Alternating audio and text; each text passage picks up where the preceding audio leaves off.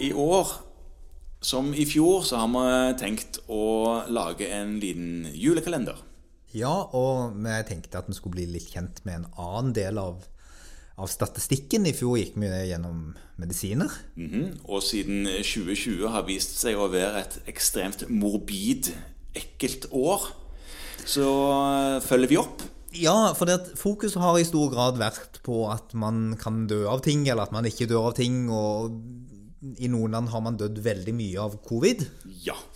Ikke så mye heldigvis her til lands, men allikevel så har det eh, gjort at vi har sett litt på dødsårsaksregisteret. Ja, og det er et register som er interessant på den måten at det er en slags offisiell statistikk over hva folk dør av. Ja. Og de som har jobba noen år, har kanskje fått erfaring med at det er ikke nødvendigvis helt presist, dette dødsårsaksregisteret. Nei, fordi hvordan fungerer det når en lege blir tilkalt til en som eh, er død? Da skal han skrive en dødsårsak på en såkalt dødsmelding. Ja, og det er jo ikke helt lett, for det er ikke nødvendigvis sånn at den legen som ser den avdøde, er legen til pasienten. Nei, og, og det er slik at det å bestemme seg for hva noen har dødd av, er til en viss grad en kvalifisert gjetning. Ja. Fordi du gjør en vurdering av hva du vet. Ja, Om tidligere sykdommer, om hvilke medisiner pasienten har brukt osv. Og, ja, og av de symptomene pasienten hadde rett forut for døden. Ja. Men da er det jo ikke sikkert at du var der. Nei, du var jo ikke det vanligvis. Nei. Og så kan man skrive at man ikke vet, men da må noen andre bestemme seg. En eller annen må si hva som gjorde at dette mennesket døde. Og så viser det seg også at hvis du obduserer mange, Ja. så finner du riktig ofte ut Husker ikke helt tallet nå, men riktig ofte ut at de døde av noe annet enn det den legen som skrev dødsattesten, trodde. Nettopp. Og det er òg sånn at eh, når man har si, store diagnoser, sånn som f.eks.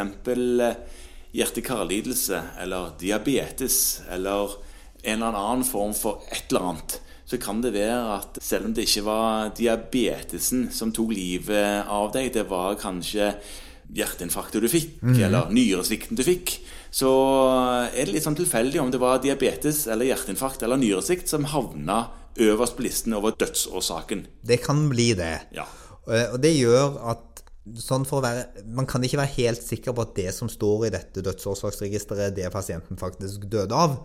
Men så er det nå faktisk sånn at det er det registeret vi har. Ja, og det gir jo òg et relativt presist bilde over eh, sykdomspanoramaet. Iallfall det som eh, etter hvert gjør at man eh, tar kvelden Ja. her til lands. Og da tenkte vi at det var litt interessant å se på hva norske leger faktisk mener at den norske befolkningen dør av. For det dør jo ganske mange. Det dør 40 000 i året. Ja, det gjør det. Så da har vi rett og slett sett på det og tatt de 24 vanligste diagnosene, eller gruppen av diagnoser, og presenterer én og én nå fram til jul. Ja, det er jo ikke en veldig fin julegave, egentlig.